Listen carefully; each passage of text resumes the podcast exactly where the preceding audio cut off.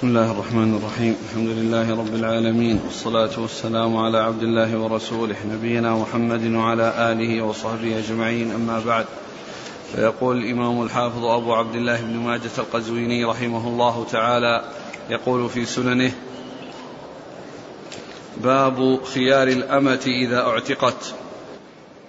قال حدثنا أبو بكر بن أبي شيبة قال حدثنا حفص بن غياث عن الأعمش عن إبراهيم عن الأسود عن عائشة رضي الله عنها قالت أنها عن عائشة رضي الله عنها أنها أعتقت بريرة فخيرها رسول الله صلى الله عليه وسلم وكان لها زوج حر. بسم الله الرحمن الرحيم الحمد لله رب العالمين وصلى الله وسلم وبارك على عبده ورسوله نبينا محمد وعلى آله وأصحابه أجمعين. أما بعد يقول الإمام ماجد رحمه الله باب في خيار الأمة إذا اعتقت يعني أن الأمة إذا كانت تحت إذا كانت هي تحت عبد يعني مملوك وهي مملوكة ثم إنها عتقت وهو باق على رقه فإنها تخير بين البقاء والاستمرار معه أو أنها يعني آه، تتخلى منه وتملك نفسها وتصرف بنفسها كيف شاءت وليست ملزمة بالبقاء معه. ثم ذكر هذا الحديث في قصة بريرة وأنه قال أنه تزو... أنها اعتقت وكانت تحت حر. وهذه الرواية التي فيها ذكر الحر شاذة لأن الأحاديث الصحيحة جاءت بأنها بأن بأنها بأنه مملوك.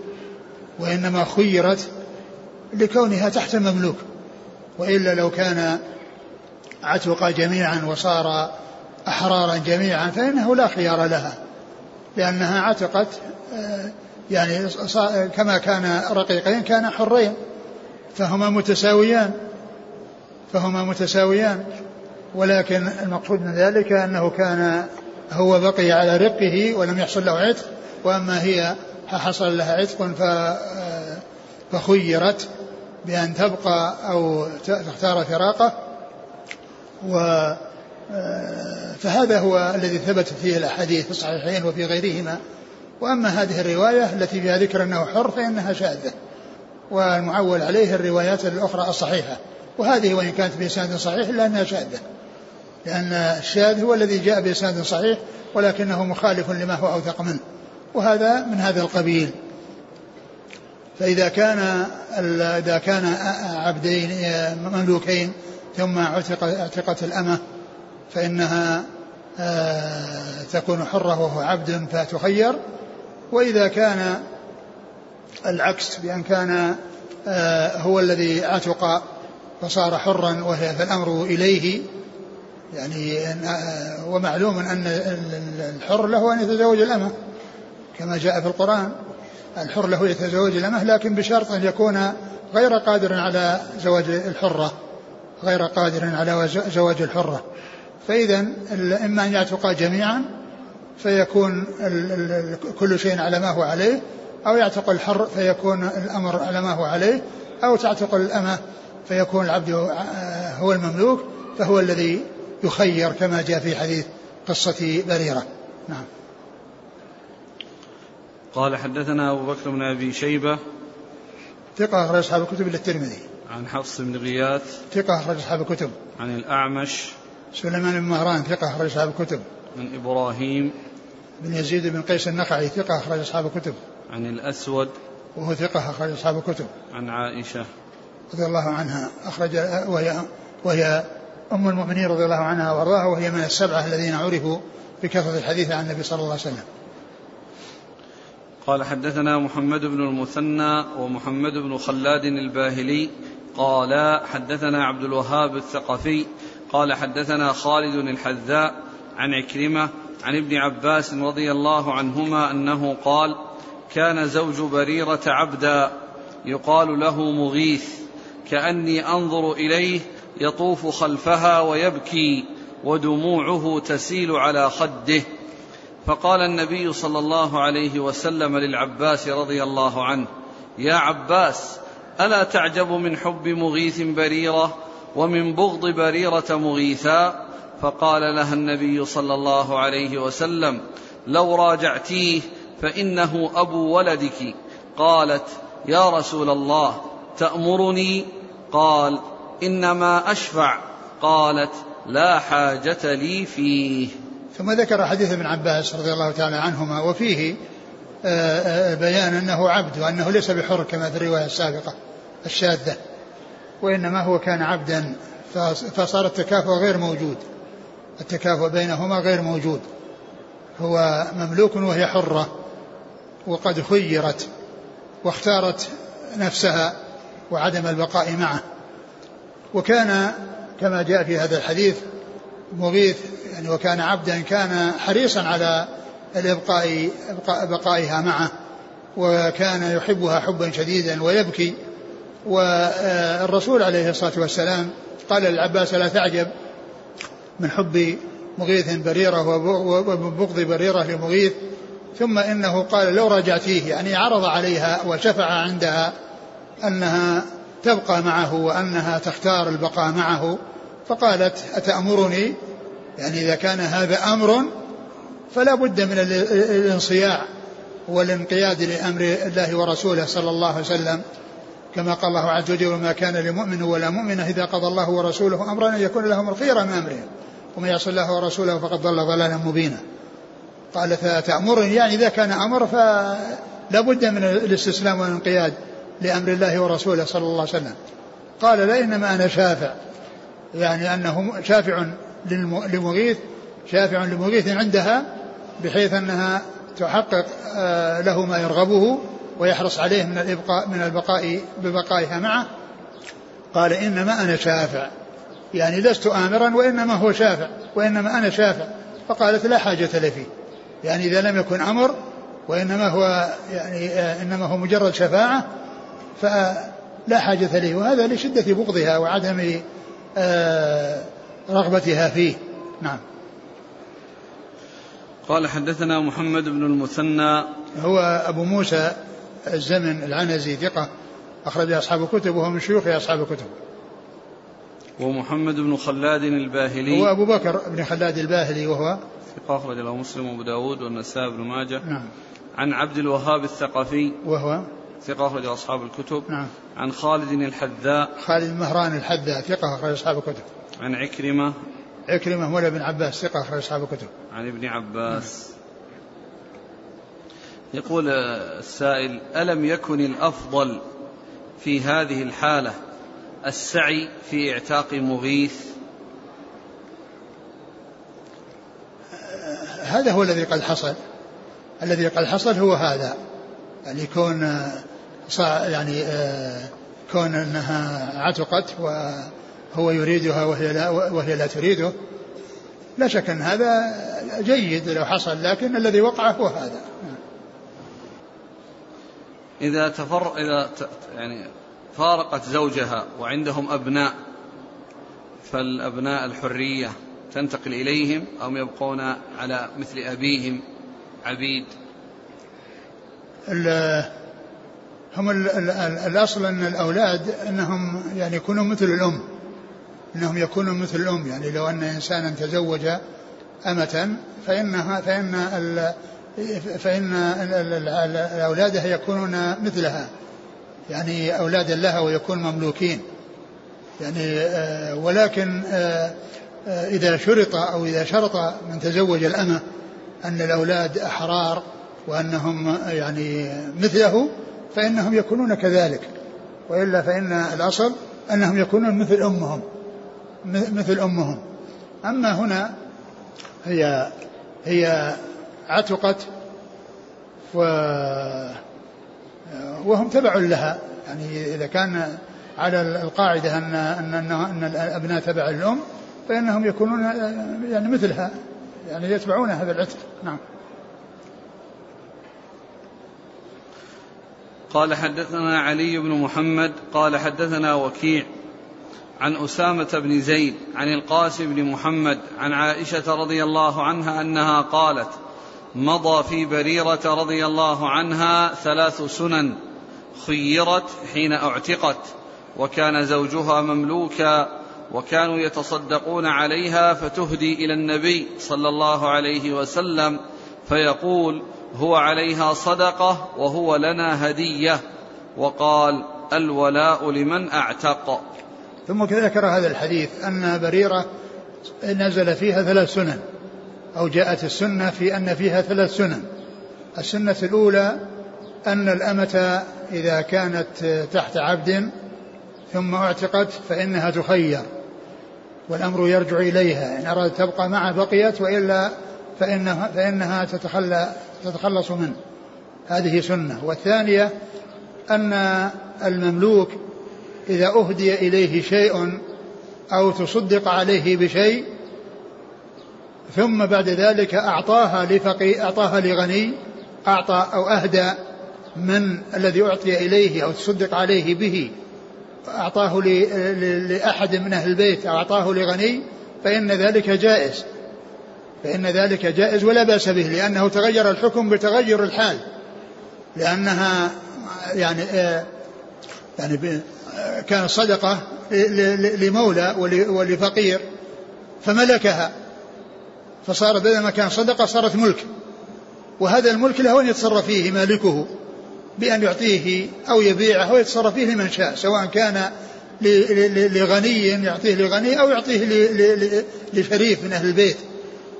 لأنه لما حصل آه، وصول الصدقة إليها فإنها ملكتها فصارت خرجت من كونها صدقة صارت ملك ملك لمالك فلها أن تهديها ولها أن تبيعها ولها أن تعطيها لمن لا يستحق الصدقة وهم آه، يعني أهل البيت. فكان من هذه هذه السنة أنه لما قيل له أنه تصدق به على بريرة قال هو لها صدقة ولنا هدية. يعني تغير الحكم.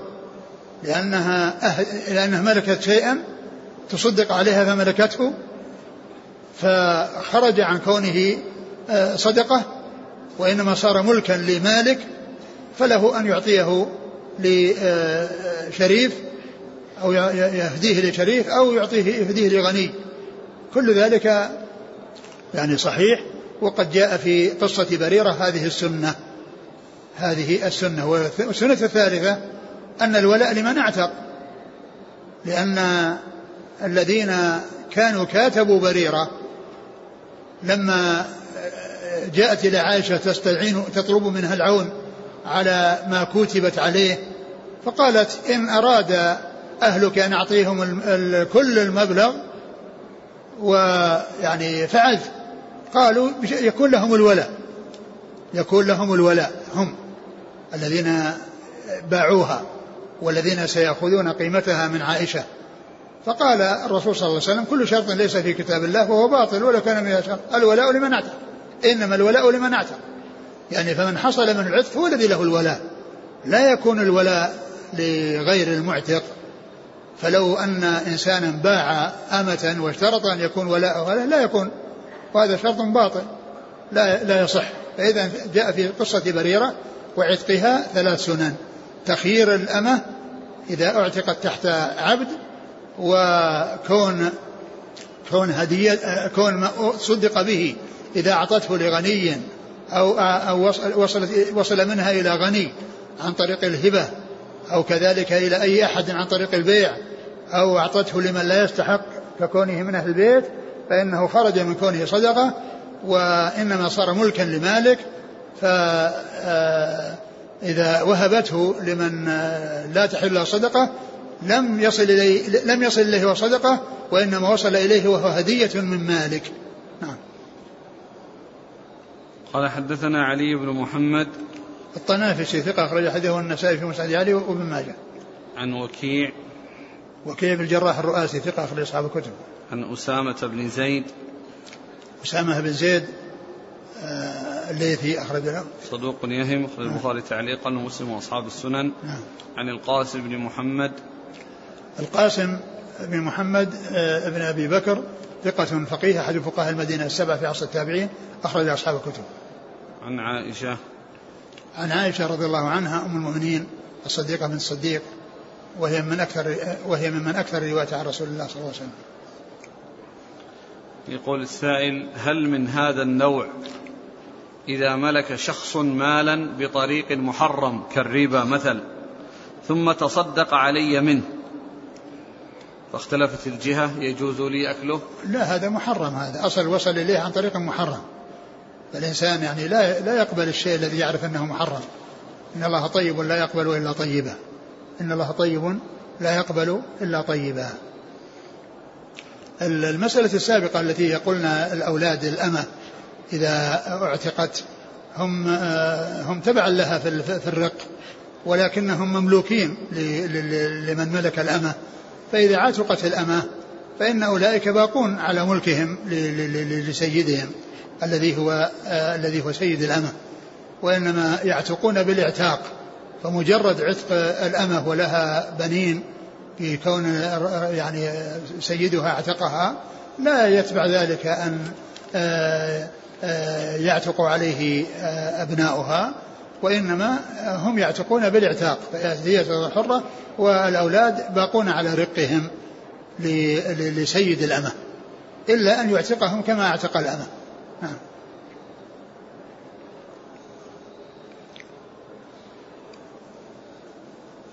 ولكنهم تابعون يعني لها في الرق فيما إذا ولدت هي أمة وولدت وكان زوجها حرا فإنهم يكونون تبعا لها في الرق. أرقا ولكن إذا اشترط أو اشترط المتزوج بالحر بالأمة وهو حر أن أولاده أحرار يكونون بهذا الشرط أحرار نعم. الحكم الأول باعتبار أنهم عبيد للسيد. إيه. هذا فيما مضى وما سيأتي. يعني مثلا الآن لو خيرت واختارت زوجها وهو عبد اعتقت. لا هم باقون على ما مضى عرفنا حكمه. لا ما حتى حتى لو اختار زوجها وبقيت يعني أنها فأولادها عبيد حتى يحصل لهم التحرير. لأن الكلام على أن سيد أولاد الأمة هي عبيد لسيدها كما كان في أمة. فإذا عتقت هي عتقت وهم بقوا على رقهم. هذا فيما مضى. أنا أقصد يعني اختارت الزوجة الآن وأنجبت الآن. يختلف لا لا يختلف يختلف الأولاد الجدد يختلفون نعم. لأن الآن ليس لا الكلام على الأولاد الأولين. نعم.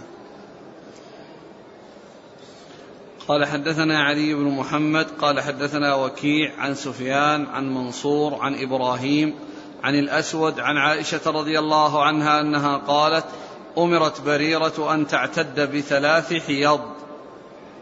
ثم ذكر هذا الحديث عن عائشة. عن عائشة أنها أمرت بريرة أن تعتد بثلاث حيض لأنها صارت حرة فتعامل معاملة الحرة. نعم. قال حدثنا علي بن محمد عن وكيع عن سفيان. سفيان هو الثوري ثقة أخرج أصحاب الكتب. عن منصور. ابن المعتمر ثقة أخرج أصحاب الكتب. عن إبراهيم عن الأسود عن عائشة. نعم. قال حدثنا إسماعيل بن توبة. قال حدثنا عباد بن العوام عن يحيى بن أبي إسحاق عن عبد الرحمن بن أذينة عن أبي هريرة رضي الله عنه أن رسول الله صلى الله عليه وسلم خير بريرة. ثم ذكر هذا الحديث عن عن أبي هريرة. عن أبي هريرة أن النبي صلى الله عليه وسلم خير بريرة. يعني كما دلت عليه الأحاديث الأخرى أنه خيرها أن تبقى مع زوجها حرة وتحت عبد أو أنها أو أنها تفارقه وتكون آه، طريقة نفسها تتصرف بنفسها كيف شاءت. والحديث في إسناده ضعف ولكنه صحيح بالأحاديث الأخرى. الأحاديث الأخرى التي مرت على التخيير ودلت على التخيير هي تدل على صحته وإن كان في إسناده ضعف. نعم. قال حدثنا إسماعيل بن توبة صدوق أخرجه ابن ماجه. عن عباد بن العوام ثقة أخرج أصحاب الكتب.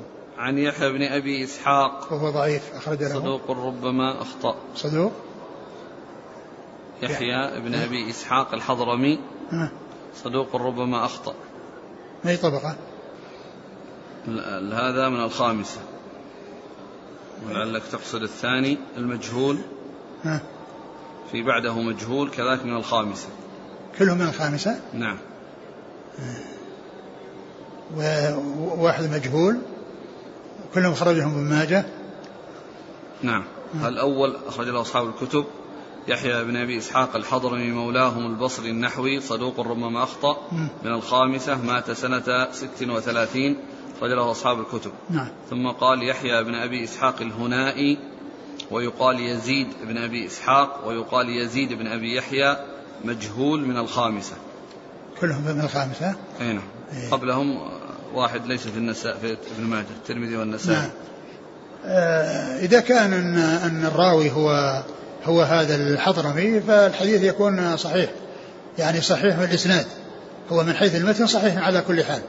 ولكن إن كان هو الحضرمي فإنه يكون صحيح الإسناد وإن كان الثاني الذي هو الهنائي وأنا كنت أظن أنه الهنائي فهذا يرجع إلى إلى تحفة الأشراف وينظر من الذي آه، آه، الذي يروي التلميذ من هو؟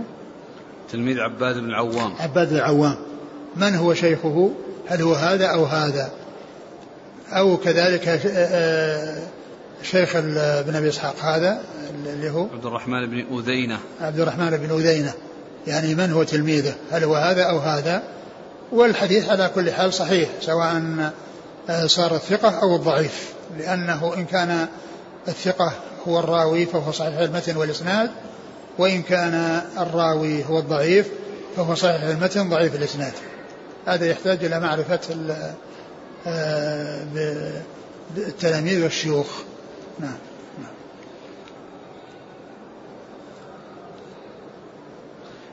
عن عبد الرحمن بن أذينة هو. ثقة أخرج البخاري تعليقا وابن ماجه عن أبي هريرة. نعم. يقول السائل هل يقال إن الذي مضى في بريرة رضي الله عنها من السنن هو من بركتها على المسلمين؟ على كل هذه سنة. يعني هل أن كل ما كان الإنسان سببه يكون بركة على المسلمين؟ لأن مسائل كثيرة يأتي فيها أسباب. فيعني هل يقال هذا انه من بركته؟ هو جاء فيما يتعلق بعائشة رضي الله عنها فيما يتعلق ب ليست بهذه أول بركتكم يا أبي بكر فيما يتعلق بمشروعة التيمم في مشروعية التيمم.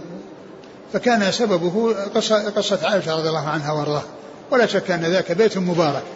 لكن هل يقال أن كل من حصل منه أو صار سببا في سنة يقال أن هذا من بركته؟ على كل الأمر في ذلك يعني آه واسع. لكن آه هل يقال كل من كان سبب يكون يعني آه من بركته؟ يعني الأمر الله أعلم. نعم. المهم أن السنة ثبتت وسواء كان ذلك ببركتها أو بغير بركته. نعم. المكتبة الجيبية. في تهذيب الكمال. آه، في ترجمة عبد الرحمن بن أذينة. قال روى عن وروى عنه ذكر فقط أبو آه، شو اسمه يحيى بن أبي إسحاق الحضرمي الحضرمي. ورمز له بقاف. طيب خلاص إذا إذا هو صحيح المتن والإسناد. يقول السائل مفارقة بريرة لمغيث كانت فسخا أم طلاقا؟ قضية كونه حصل طلاق والرسول أمره بأن يطلقها ما أدري ما أعرف عنها شيء. ولكن الحديث هنا جاء بأنها آه أنها ثلاث حيض لأنها كانت حرة فتكون آه يحصل منها كما يحصل من من الحرائر في آه آه في العدد. يعني لأنها لكن هل لأنه يمكن لأن بعض بعض المسائل يكون فيها آه، الاستبراء بحيضة لكن هذا جاء بأنها اعتدت بثلاث بثلاث حيض وكون حصل طلاق أو أمره يطلقها يعني وألزم بطلاقها لا أدري.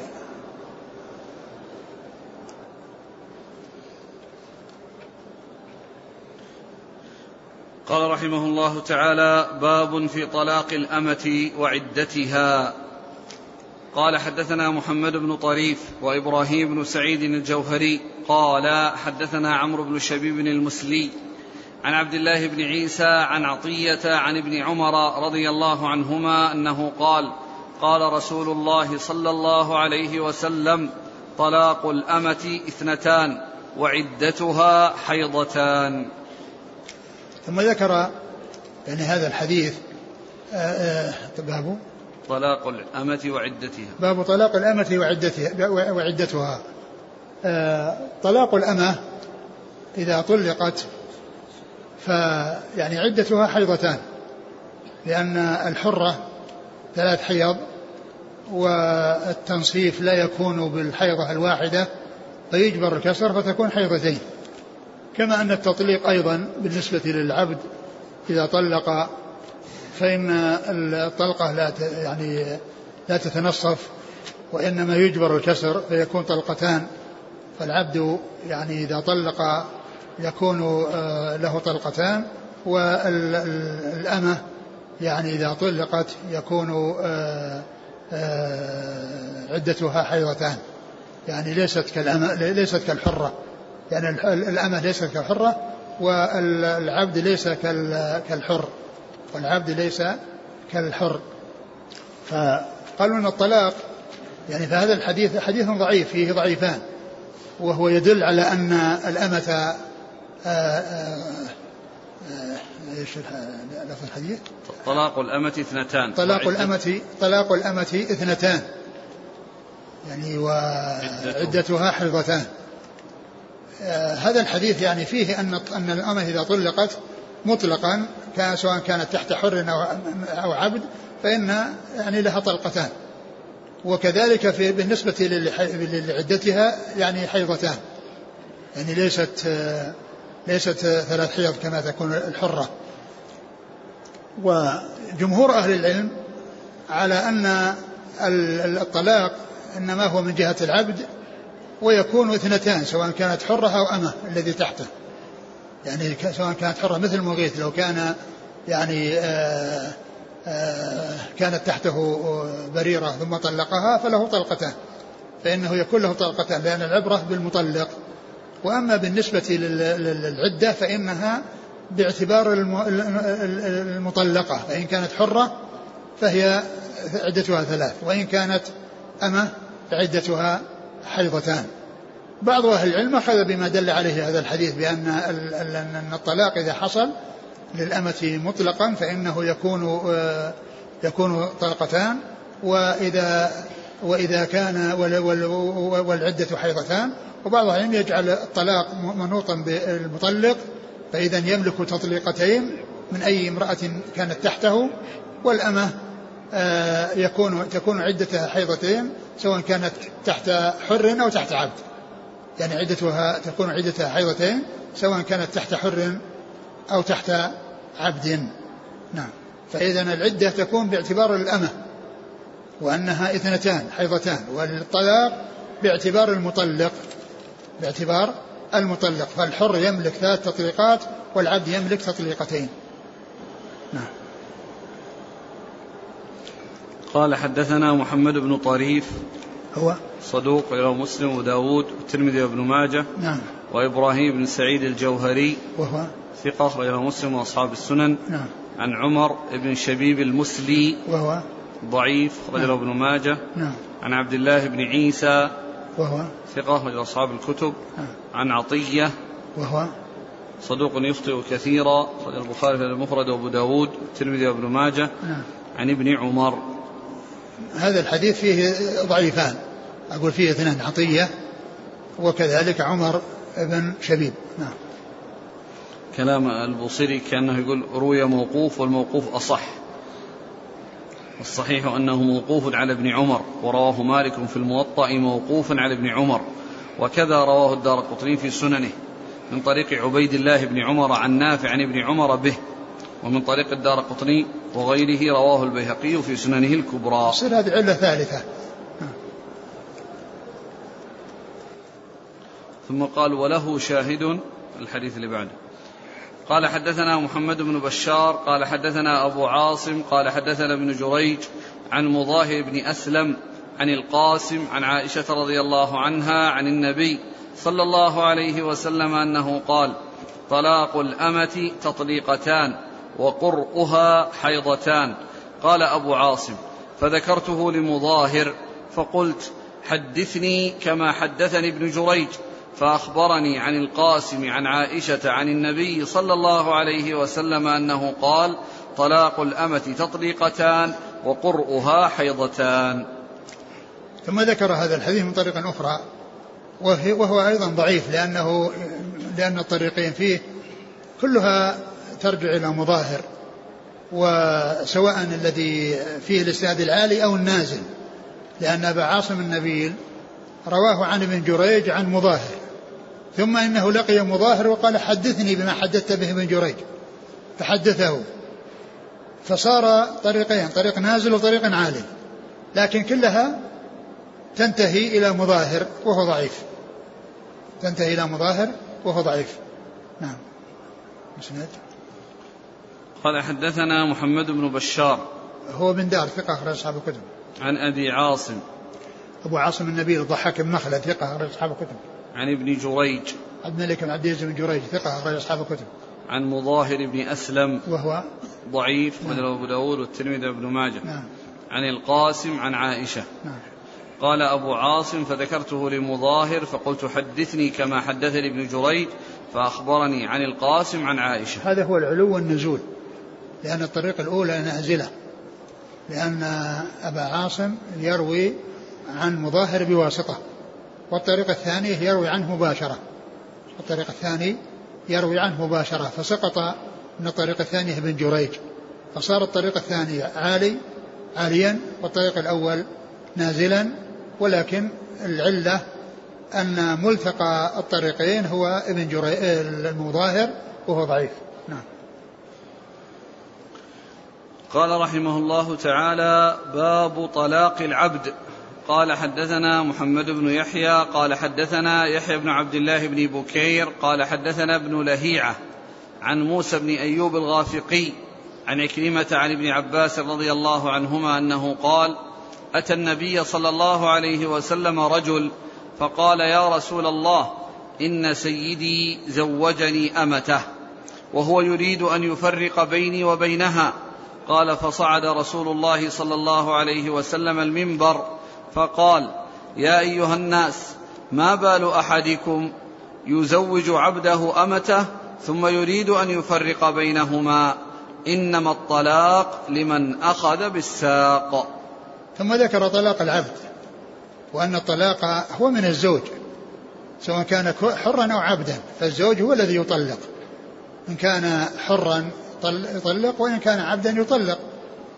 وإذا كان آه سيده زوجه فلا فليس التخلص من زوجته يكون بيد الزوج بيد السيد وإنما هي بيد الزوج لأنه هو هو هو هو الزوج والطلاق هو من الزوج الذي يزوج هو الذي يطلق هو الزوج.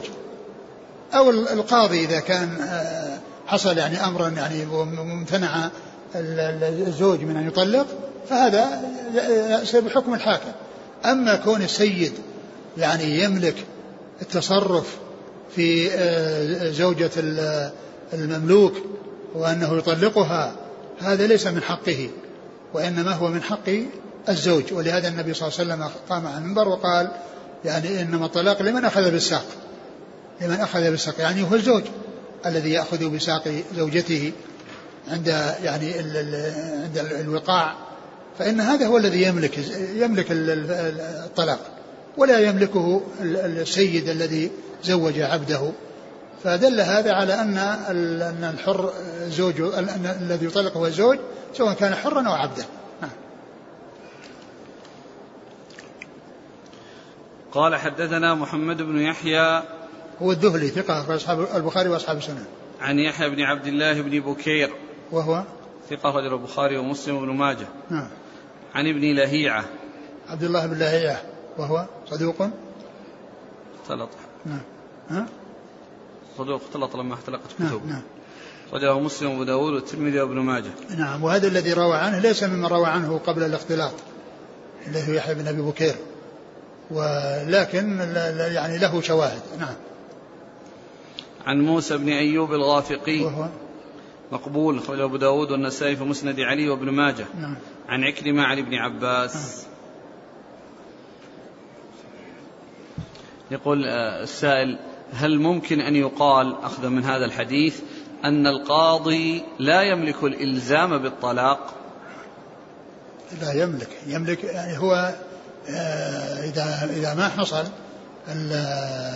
الوفاق ولم يبقى إلا الشقاق وأن الأمر لا يبقى فإن الحاكم يحكم يعني إن طلق هذا وإلا فإنه يفسخ العقد. إن طلق ذاك إن طلق فإنه حصل بتطليقه وإلا فإنه يفسخ العقد. نعم. قال رحمه الله تعالى باب من طلق أمة تطليقتين ثم اشتراها. قال حدثنا محمد بن عبد الملك بن زنجوية أبو بكر. قال حدثنا عبد الرزاق.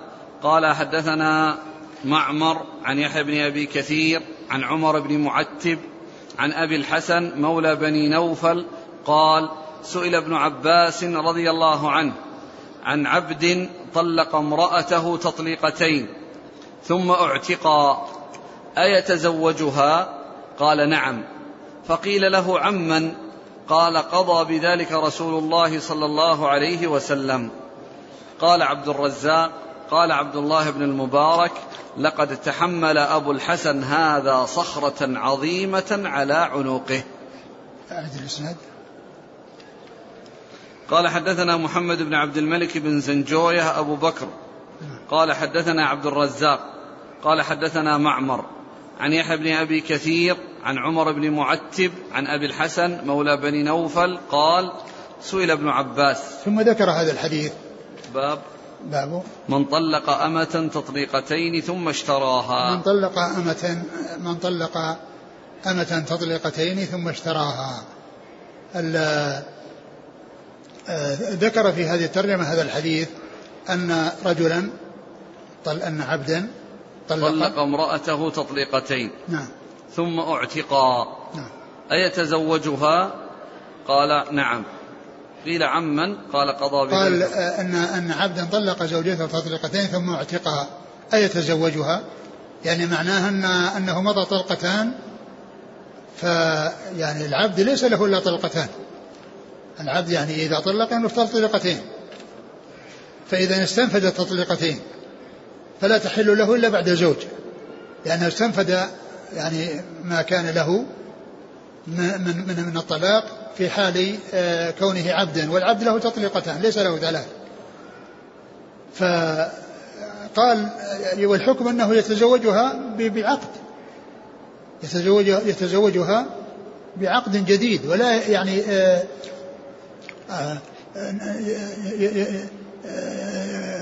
بالنسبة للأمة التي طلقت يعني العبد الذي طلق ثم اعتقى يعني معناها أن أنه استنفد الطلاق فليس له أن يتزوج فليس له أن فلا يبقى له تطليقة. فإنما بعد زوج لأن لأنه استنفد الطلاق فلا تحل له إلا بعد زوج. كما أن الحر لا تحل اللي طلق ثلاثة تحل له إلا بعد زوج. هذا الحديث فيه أنه قال إنه يتزوجها. قال يتزوج قال يت... نعم اعتق لأنه نعم اعتق نعم يعني يتزوجها. اعتق فيتزوجها. ف يعني معناه أن ذلك أن أنه كأنه ما بقي يعني أنه بقي له شيء ولكنه لم يبقى شيء.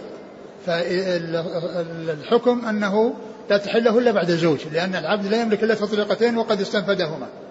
وقد استنفدهما. فالحديث ضعيف ولهذا قال في آخره أنه تحمل صخرة. أبو الحسن هذا نعم. تحمل صخرة عظيمة على عنقه. نعم. صخرة عظيمة على عنقه لأنه ذكر هذا الشيء الذي لا يحل إلا بعد زوج ولا يحل مباشرة بعد تلك التطليقتين. نعم.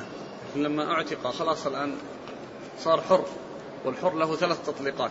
لا بس هو الكلام على أن الكلام في أن أنه لما كان عبدا استنفذ التطليقتين. ف... استنفذ ف... التطليقتين. ففارقته على أنه لا يعني معنى معناه أنها أنها لا تحل له. فلما لا, لا نعم. فلما أعتق اي نعم. يعود لها لأنه بقي لها بقي له طلقة. الكلام على على اعتبار انه أنه لما كان عبدا استنفد فاذا فاذا اذا اذا اذا بعد ذلك يعني آه بعد ذلك آه لأن هذا الحرية جاءت فيما بعد. يعني ليست لم لم يملكها وهو يعني هو حر يعني هذه الثلاث. وإنما ثنتين عليه وقد استنفدهما فإذا لابد من من من أن يكون ذلك بعد زوج.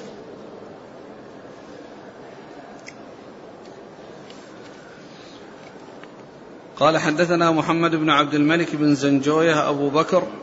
هو؟ ثقة أخرجه أصحاب السنن. نعم. عن عبد الرزاق. بن همام ثقة أخرج أصحاب الكتب. عن معمر. بن راشد ثقة أخرج أصحاب الكتب. عن يحيى بن أبي كثير. وهو ضعيف أخرج له. يحيى بن أبي كثير لا اليماني يحيى بن كثير ثقة أخرج أصحاب الكتب معتب اللي بعده. عن عمر بن معتب. ضعيف. أخرجه أبو داود والنسائي بن ماجه. مم. عن أبي الحسن مولى بني نوفل. وهو؟ مقبول أخرجه أبو داود والنسائي بن ماجه. نعم. عن ابن عباس. نعم.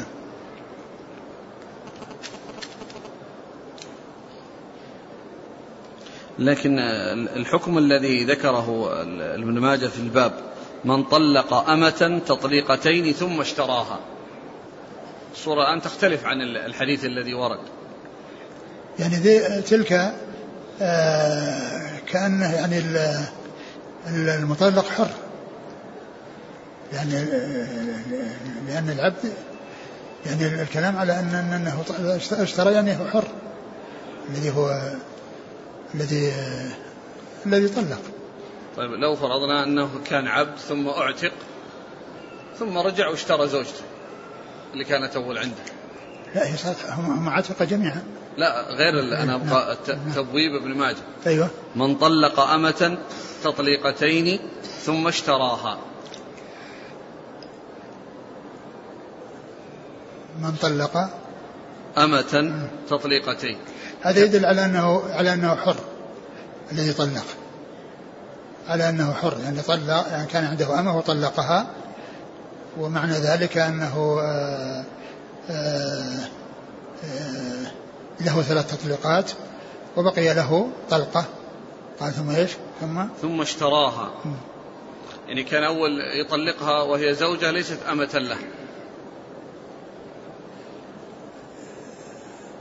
يعني هو آه، كونه قال يعني آه، اشترى باب. طلق أمة آه. يعني مي أمته؟ لا كيف هي أمة يعني زوجته. يعني أمة يعني ثم اشتراها. تزوجها. أي. تزوجها. حر تزوج أيوة. أمة. نعم. ثم أطلقها طلقتين إذا باقي له ثالثة. ثم رجع واشتراها التطليق اشترى كما هو. التطليق كما هو معلوم هو يرجع لل- لل- للزوج كما عرفنا له ثلاث تطليقات سواء كان عنده أمة أو أو أو, أو حرة. والأمة هي التي في حقها ال- ال- العدة سواء كان تحت حر أو تحت عبد. فهنا يعني ما دامت ان إن الطلاق بيد الزوج فإذا هو باق له طلق. هو باق له طلق. إيه. اي لأنه حر. فإذا اشتراها فإذا اشترى هي ما تطابق الترجمه أي اي نعم. لكنها لكنها كونه اشتراها يعني معناه أنه بقي له طلق لأن الحر يملك ثلاث تطليقات من من الأمة ومن الحرة. نعم. قال رحمه الله تعالى باب عدة أم الولد.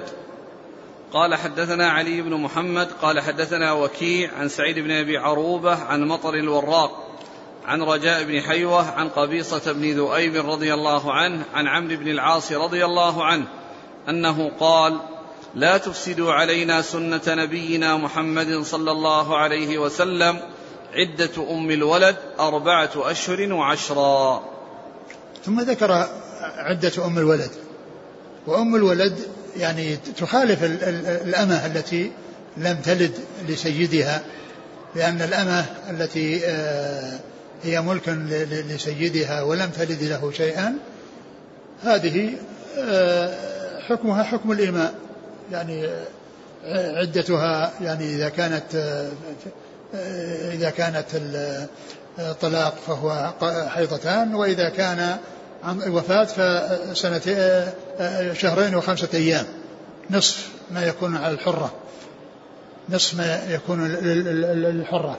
وأم الولد هي التي الأمة التي وطأها الإنسان وولدت له فصارت أم ولد.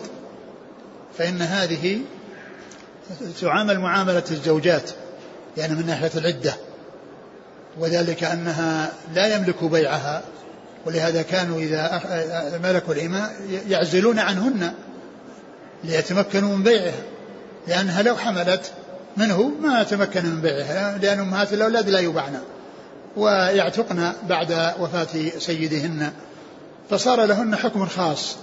فصارت إذا توفي عنها وبعد ذلك تعتق فإنها تعتد بعدة الحرة التي يعني هي آه، أربعة أشهر وعشر ولا تنصف كما تكون بالنسبة للأمة.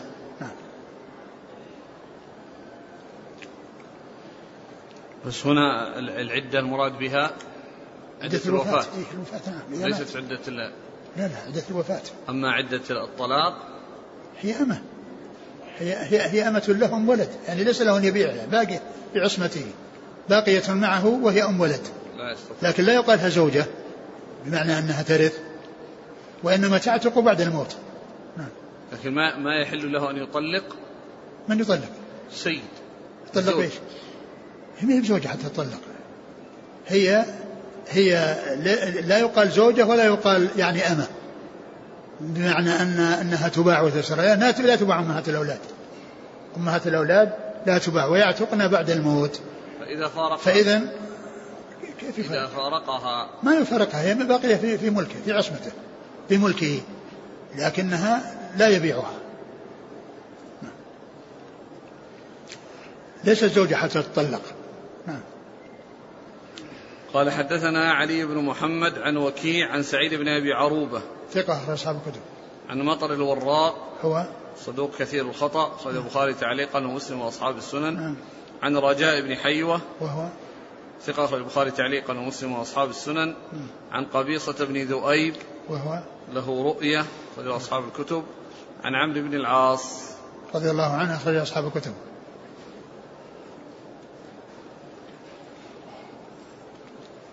قال رحمه الله تعالى باب كراهية الزينة للمتوفى عنها زوجها. قال حدثنا أبو بكر بن أبي شيبة قال حدثنا يزيد بن هارون قال حدثنا يحيى بن سعيد عن حميد بن نافع أنه سمع زينب بنت أم سلمة رضي الله عنهما تحدث أنها سمعت أم سلمة وأم حبيبة رضي الله عنهما تذكران أن امرأة أتت النبي صلى الله عليه وسلم فقالت إن ابنة لها توفي عنها زوجها واشتكت عينها فهي تريد أن تكحلها أن تكحلها.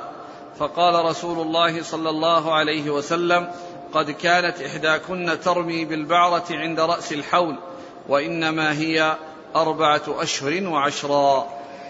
ثم ذكر هذه الترجمة وهي باب كراهية الزينة للمتوفى عنها زوجها. الزينة المتوفى عنها زوج يعني أن المرأة المتوفى عنها الحادة تحد على الزوج يعني لا تتزين ولا تجمل وإنما تبقى في حقه يعني هذه المدة التي هي أربعة أشهر وعشرة بالنسبة يعني للحرة وشهرين وخمسة أيام بالنسبة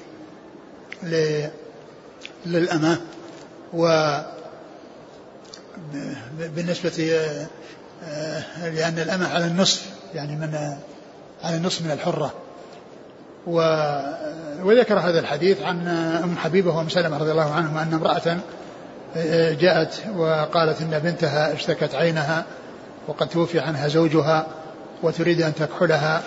فالنبي صلى الله عليه وسلم قال إنما هي أربعة أشهر وعشر يعني مدة قليلة تختلف عما كان عليه كان الناس عليه من قبل فإنهم كانوا في الجاهلية يعني تبقى المرأة سنة كاملة. لا تمس ماء ولا تتنظف وتكون آه، ذات روائح كريهة.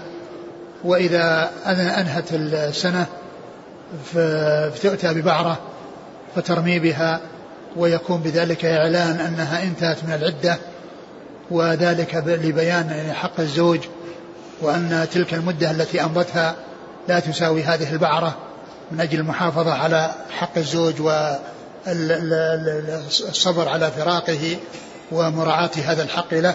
فالنبي صلى الله عليه وسلم قال إنما هي أربعة عشر مدة قليلة. ليست مثل الذي كان موجودا من قبل. الذي كانت تجلس سنة كاملة. وتكون في بيت تكون في مكان ضيق ولا تخرج فتكون منتنة ولا تمس ماء ولا تفعل يعني كذا. فإنما هي أربعة أشهر عشر. فتصبر. فدل هذا على أن المرأة ليس لها أن تتجمل ولا أن تكتحل. والكحل من التجمل وتترك الزينة مدة العدة التي هي عدة الوفاة. فالحديث يدل على ترك الزينة كما ترجم له المصنف. قال حدثنا أبو بكر بن أبي شيبة عن يزيد بن هارون. ثقة أخرج أصحاب الكتب. عن يحيى بن سعيد. وهو الأنصاري ثقة أخرج أصحاب الكتب. عن حميد بن نافع. وهو ثقة أخرج له. أصحاب الكتب. نعم. عن زينب بنت أم سلمة. ربيبة النبي صلى الله عليه وسلم أخرج له أصحاب الكتب. عن أم سلمة وأم حبيبة. أم سلمة هند بنت أبي أمية. وهي أم المؤمنين أخرج لها أصحاب الكتب. وأم حبيبة هي رملة بنت أبي سفيان. وهي قد أخرج لها أصحاب الكتب فالحديث عن عن عن اثنتين من أمهات المؤمنين أم حبيبة وأم سلمة. وكما قلت آه، يعني آه، آه، كل منهما خرج له أصحاب الكتب الستة. نعم. قال رحمه الله تعالى باب هل تحد المرأة على غير زوجها؟ قال حدثنا أبو بكر بن أبي شيبة قال حدثنا سفيان بن عيينة عن الزهري عن عروة عن عائشة رضي الله عنها عن النبي صلى الله عليه وعلى آله وسلم أنه قال لا يحل لامرأة أن تحد على ميت فوق ثلاث إلا على زوج. ثم قال باب هل تحد المرأة؟ على غير زوجها. هل تحد المرأة على غير زوجها؟ المرأة تحد على زوجها أربعة أشهر عشر يعني إذا كانت آه، حب آه، إذا كانت حائلا وإن كانت حاملا فهي مدة الحمل. فهي مدة مدة الحمل. وتترك الزينة. هذه المدة. وأما على غير الزوج فلل فلل فللمرأة أن تترك الزينة مدة ثلاثة أيام. يعني إذا إذا مات قريب لها كأبيها أو ابنها وما إلى ذلك لكن ذلك ليس بلازم. لكن الحديث جاء لبيان أنه لا يجوز لها أن تحد أكثر من ثلاث ولكنها تركت الزينة وتركت التجمل وتركت الطيب في هذه المدة لا بأس بذلك. لكن لا يقال أن هذا مطلوب منها فلو أنها تطيبت أو عملت يعني شيء من ذلك أنه لا بأس به. وإنما المنع إنما هو في حق الزوج يعني هذه المدة الطويلة. وأما تلك فلا يلزمها أنها تحد. وتبتعد عن الزينة عن الزينة أو تتطيب فلها أن تتطيب. ولكن لو تركت فإنها لا تتجاوز ثلاثة أيام. لا تتجاوز ثلاثة أيام كما جاء بذلك الأحاديث عن رسول الله صلى الله عليه وسلم. قال لا يحل لامرأة أن تحد على ميت فوق ثلاث إلا على زوج. يعني تترك الطيب والزينة على غير زوجها أكثر من ثلاثة أيام. وإن تركت في خلال ثلاثة أيام لا بأس به وإن تطيبت في خلال ثلاثة أيام لا بأس بذلك. قال حدثنا أبو بكر بن أبي شيبة عن سفيان بن عيينة ثقة أخرج أصحاب الكتب. عن الزهري محمد بن مسلم بن عبد الله ثقة أخرج أصحاب الكتب. عن عروة عن عائشة. عروة بن الزبير بن العوام ثقة فقيه أخرج أصحاب الكتب. نعم. قال حدثنا هناد بن السري قال حدثنا أبو الأحوص عن يحيى بن سعيد عن نافع عن صفية بنت أبي عبيد عن حفصة زوج النبي صلى الله عليه وسلم ورضي الله عنها أنها قالت قال رسول الله صلى الله عليه وسلم لا يحل لامرأة تؤمن بالله واليوم الآخر أن تحد على ميت فوق ثلاث إلا على زوج. ثم ذكر حديث حفصة حفصة مثل حديث عائشة المتقدم وفيه ذكر الإيمان بالله واليوم الآخر الحديث الأول ما فيه. نعم. هنا قال في الإيمان بالله واليوم الآخر. وهذا يأتي في الكتاب والسنة عند ذكر الترغيب في شيء أو الترهيب من شيء أنه يذكر الإيمان بالله واليوم الآخر. وصف الذي يؤمر بأنه يؤمن بالله واليوم الآخر أو الذي ينهى بأنه يؤمن بالله واليوم الآخر. وذلك أن الإيمان بالله عز وجل هو أصل الأصول وكل إيمان بغير الله هو تابع الإيمان به. كالإيمان بالملائكة والكتب والرسل وغير ذلك تابع الإيمان بالله. وذكر الإيمان باليوم الآخر مع الإيمان بالله لأنه فيه الجزاء والحساب فيه الثواب والعقاب. يعني ففيه ترغيب يعني ذكر اليوم الآخر ترغيب في عمل الخير لأنه يجد ثوابه في اليوم الآخر وترهيب من فعل الشر لأنه يجد عقوبة العقاب عليه في اليوم الآخر. ولهذا يأتي في القرآن والسنة ذكر الإيمان بالله واليوم الآخر في الترغيب والترهيب. لا من كان يؤمن بالله واليوم الآخر فليكرم ضيفه. من كان يؤمن بالله واليوم الآخر فليقل خيرا وليصمت لا يحل لامرأة تؤمن بالله أن تحد لا يحل لامرأة تؤمن أن تسافر إلا إلا مع ذي محرم. يعني يأتي الجمع بينهما لأن الإيمان بالله هو الأصل الذي يتبعه كل إيمان والإيمان باليوم الآخر التنصيص عليه من بين من بين أصول الإيمان الأخرى لأنه الذي فيه الجزاء والحساب تذكير بالثواب والعقاب. وأن الإنسان إذا ذكر باليوم الآخر بشيء فيه ثواب يستعد ويفعل وإذا ذكر بذكر الإيمان باليوم الآخر في أمر فيه عقاب فإنه يحذر ويخاف أن يحصل له ذلك العقاب. فالحديث مثل حديث آه، آه، عائشة رضي الله عنها في أن المرأة ليس لها أن تحد أكثر من ثلاث إلا على زوج. قال حدثنا هناد بن قوله أربعة أشهر وعشرة يعني إذا كانت إذا كان إذا إذا كانت حائلا أما إذا كانت حاملا فلها عدة أخرى وهي وضع الحمل نعم قال حدثنا هناد بن السري ثقة أخرج حديث البخاري في خلق أفعال العباد ومسلم وأصحاب السنن. عن أبي الأحوص سلام بن سليم الحنفي ثقة أخرج أصحاب الكتب. عن يحيى بن سعيد عن نافع. نافع مولى بن عمر ثقة أخرج أصحاب الكتب. عن صفية بنت أبي عبيد. وهي ثقة أخرج لها. قال تعليقا مسلم وأبو داود والنسائي بن ماجه. نعم. عن حفصة زوج النبي صلى الله عليه وسلم. أخرجها أصحاب الكتب. صفية بنت أبي عبيد هذه زوجة ابن عمر هذه زوجة عبد الله بن عمر رضي الله تعالى عنهما وهي أخت المختار بن أبي عبيد الثقفي الكذاب قال حدثنا أبو بكر بن أبي شيبة قال حدثنا عبد الله بن نمير عن هشام بن حسان عن حفصة عن أم عطية رضي الله عنها أنها قالت قال رسول الله صلى الله عليه وسلم لا تحد على ميت فوق ثلاث إلا امرأة تحد على زوجها أربعة أشهر وعشرا ولا تلبس ثوبا مصبوغا إلا ثوب عصب ولا تكتحل ولا تطيب إلا عند أدنى طهرها بنبذة من قسط أو أظفار. ثم ذكر هذا الحديث عن عطية رضي الله عنها. أن النبي صلى الله عليه وسلم قال لا لا تحد لا تحد على ميت فوق ثلاث إلا امرأة تحد على زوجها أربعة. هذا مثل الأحاديث التي مرت بأن المرأة لا تحد أكثر من ثلاث ليالي إلا على زوج. أربعة أشهر وعشرة إذا كانت غير حامل. أما إذا كانت حاملا فلها فلها عدتها شيء آخر وهو وضع الحمل. فإذا ذكر الأربعة أشهر وعشرة إنما هو بالنسبة للحائلات وهذا بخلاف الحاملات. قال ولا. ولا تلبس ثوبا مصبوغا إلا ثوب عصب. ولا تلبس ثوبا مصبوغا لأن الثياب المصبوغة هي للزينة إنما تصبغ للزينة.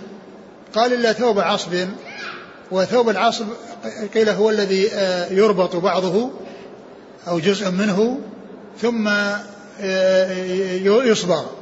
فإنه لا يكون كله صبيغا لأن هذا الذي ربط لم يصل إليه الصبغ. الذي ربط مثلا مع وسطه لم يصل إليه الصبغ. فإذا الشيء الذي صبغ يعني كاملا هو الذي آه، يحرم لأنه زينة كاملة. وأما إذا كان آه، قد ربط ولم ينصبغ كله وإنما انصبغ بعضه فإن ذلك سائغ لأنه قال له ثوب عصب. يعني يعني صبغ بعضه وترك بعضه بمعنى أنه ربط جزء منه أو طرف منه فالصبغ أتى على الشيء المفتوح الذي لم يربط. وصار نعم اللي بعد العصر. ولا تكتحل ولا تطيب ولا تكتحل لأن الكحل زينة. ولا تتطيب لأن الطيب أيضا كذلك من الزينة. وإلا أنها إذا آه، طهرت من الحيض فإنها تستعمل نوعا من الطيب الذي هو بخور من حين آه، ما تغتسل ليذهب الرائحة الكريهة التي حصلت من آثار الحيض. يعني ف يعني هذا مستثنى عند بداية الطهر وعندما تغتسل من الحيض فإنها تستعمل يعني شيء من البخور الذي يزيل الرائحة التي كانت بسبب ذلك. قال وإيش ولا تطيب ولا إلا إلا عند أدنى طهرها بنبذة من قسط أو أظفار نعم بنبذة يعني قطعة من قسط أو أظفار يعني إلا فيه نوع من البخور يعني من أجل إزالة الرائحة وهذا مع بداية الطهر. عندما ينتهي حيضها وستطهر تستعمل يعني هذا النوع من الطيب لا من أجل التطيب وإنما من أجل إزالة الرائحة الكريهة. نعم. قال حدثنا أبو بكر بن أبي شيبة عن عبد الله بن نمير. ثقة أخرج أصحاب الكتب. عن هشام بن حسان. ثقة أخرج أصحاب الكتب. عن حفصة. بن سيرين ثقة أخرج أصحاب الكتب. عن أم عطية. رضي الله عنها أخرج أصحاب الكتب. قال رحمه الله تعالى باب الرجل يأمره أبوه بطلاق امرأته. قال حدثنا محمد بن بشار قال حدثنا يحيى بن سعيد القطان وعثمان بن عمر قال حدثنا ابن أبي ذئب عن خاله الحارث بن عبد الرحمن عن حمزة بن عبد الله بن عمر عن عبد الله بن عمر رضي الله عنهما أنه قال كانت تحت امرأة وكنت أحبها وكان أبي يبغضها فذكر ذلك عمر للنبي صلى الله عليه وسلم فأمرني أن أطلقها فطلقتها. قال حدثنا محمد بن بشار قال حدثنا محمد بن جعفر قال حدثنا شعبة عن عطاء بن السائب عن أبي عبد الرحمن أن رجلا أمره أبوه أو أمه شك شعبة أن يطلق امرأته فجعل عليه مئة محرر فأتى أبا الدرداء رضي الله عنه فإذا هو يصلي الضحى ويطيلها وصلى ما بين الظهر والعصر فسأله فقال أبو الدرداء أوف بنذرك وبر والديك وقال أبو الدرداء سمعت رسول الله صلى الله عليه وسلم يقول الوالد أوسط أبواب الجنة فحافظ على والديك أو اترك. ثم ذكر باب الرجل يأمره أبوه بأن يطلق زوجته. آآ آآ كون الوالد أو الوالدة يطلبان من ابنهما أن يطلق زوجته. جاء في هذه الأحاديث ما يدل على أنه يطلقها لكن هذا كما هو معلوم حصل من الصحابة و جاء عن رسول الله عليه الصلاة والسلام وعن الصحابة. ولا شك أن أن الصحابة يعني لهم شأن خاص. لا يقال أن كل إنسان يأمره أبوه أو أمه بأن يطلق زوجته مطلقا. فإن الزوجة قد تكون ظالمة وهي تستحق الطلاق وقد تكون الأم أو الأب ظالمين ولا تستحق الطلاق بسبب ظلمهما لأن لأنه إذا كان لم يحصل منها شيء وإنما هو مجرد يعني آه، شيء في نفوسهما من غير أن يكون له سبب ومن غير أن تسيء إليهم ويحصل منها إساءة إليهم فإن ذلك لا ينبغي أن يترتب عليه حكم لأن التفريق بين الزوجين من غير أمر يقتضيه يعني لا ينبغي. فجاء في الحديث الأول عن عن عن عمر رضي الله عنه أن ابن عمر كان لزوجه يحبها وأبوه يبغضها وكان أبي يبغضها فامرني بطلاقها. ف فإيش؟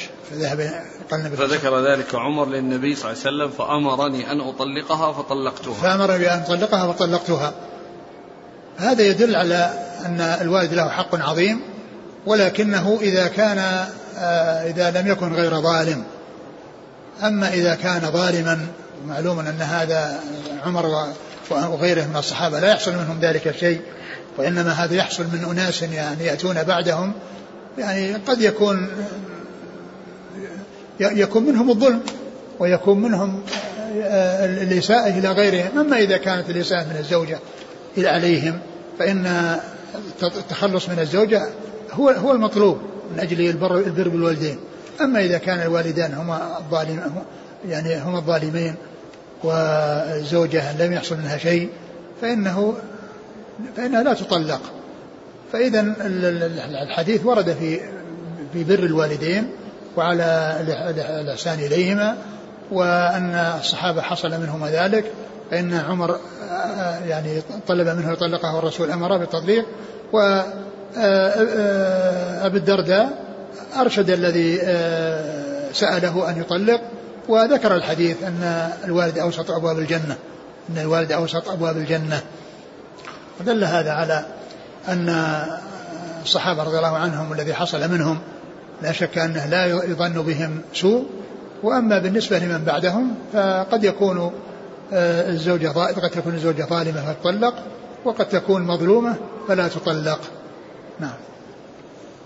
الثاني الكلام واحد فيه لك أوسط أبواب الجنة يعني أنه من الأسباب التي آه، توصل إلى الجنة وأوسطها يعني آه، يعني خيرها وأفضلها لأن الأوسط يطلق على الخيار. نعم. قال فجعل عليه مئة محرر يعني يعني يعني نذر أنه إن طلقها فإنه يكون عليه مئة محرر.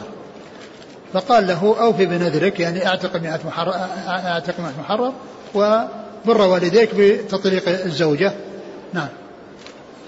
قال حدثنا محمد بن بشار عن يحيى بن سعيد القطان ثقة أخرج أصحاب الكتب. وعثمان بن عمر هو؟ ثقة أخرج أصحاب الكتب. نعم. عن ابن أبي ذئب وهو ثقة أخرج أصحاب الكتب. عن خاله الحارث بن عبد الرحمن. وهو؟ ها؟ وهو؟ صدوق رجال أصحاب السنن. نعم. عن حمزة بن عبد الله بن عمر. وهو؟ ثقة أخرج أصحاب الكتب. عن عبد الله بن عمر. نعم. قال حدثنا محمد بن بشار عن محمد بن جعفر عن شعبة. محمد بن جعفر هو غندر ثقة أخرج أصحاب الكتب. شعبة بن الحجاج ثقة أخرج أصحاب الكتب. عن عطاء بن السائب. وهو صدوق اختلط وشعبة من سمع منه قبل الاختلاط. رجل البخاري وأصحاب السنن. عن أبي عبد الرحمن. الحبلي وهو عن أبي عبد الرحمن السلمي. السلمي نعم. عبد الله بن حبيب ثقة نعم. أخرج أصحاب الكتب. نعم. عن أبي الدرداء. عويمر رضي الله عنه أخرج أصحاب الكتب.